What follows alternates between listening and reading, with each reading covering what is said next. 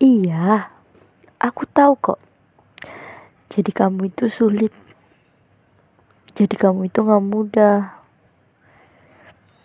Lagi nyembuhin trauma, eh malah dibuat tambah trauma lagi.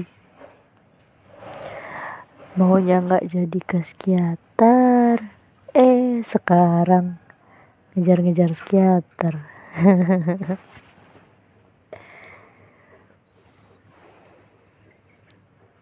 Januari kemarin sakit ya. Gimana? Sekarang berharap Februari gak sakit. Kalau gitu terus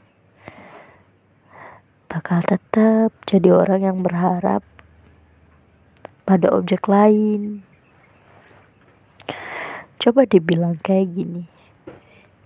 Januari memang sakit.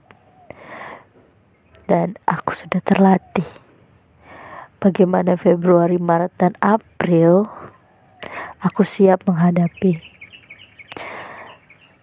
Karena kita nggak pernah tahu apakah Februari akan sebaik Januari atau sebaliknya. Aku tidak mengajarkan kamu untuk mengimani yang buruk.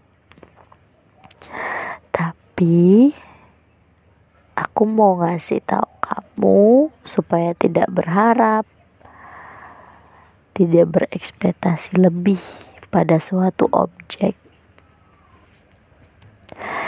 Tidak juga menggantungkan harapan pada satu objek.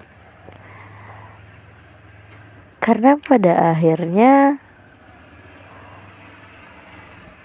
rumah itu ya kita sendiri, tempat kita pulang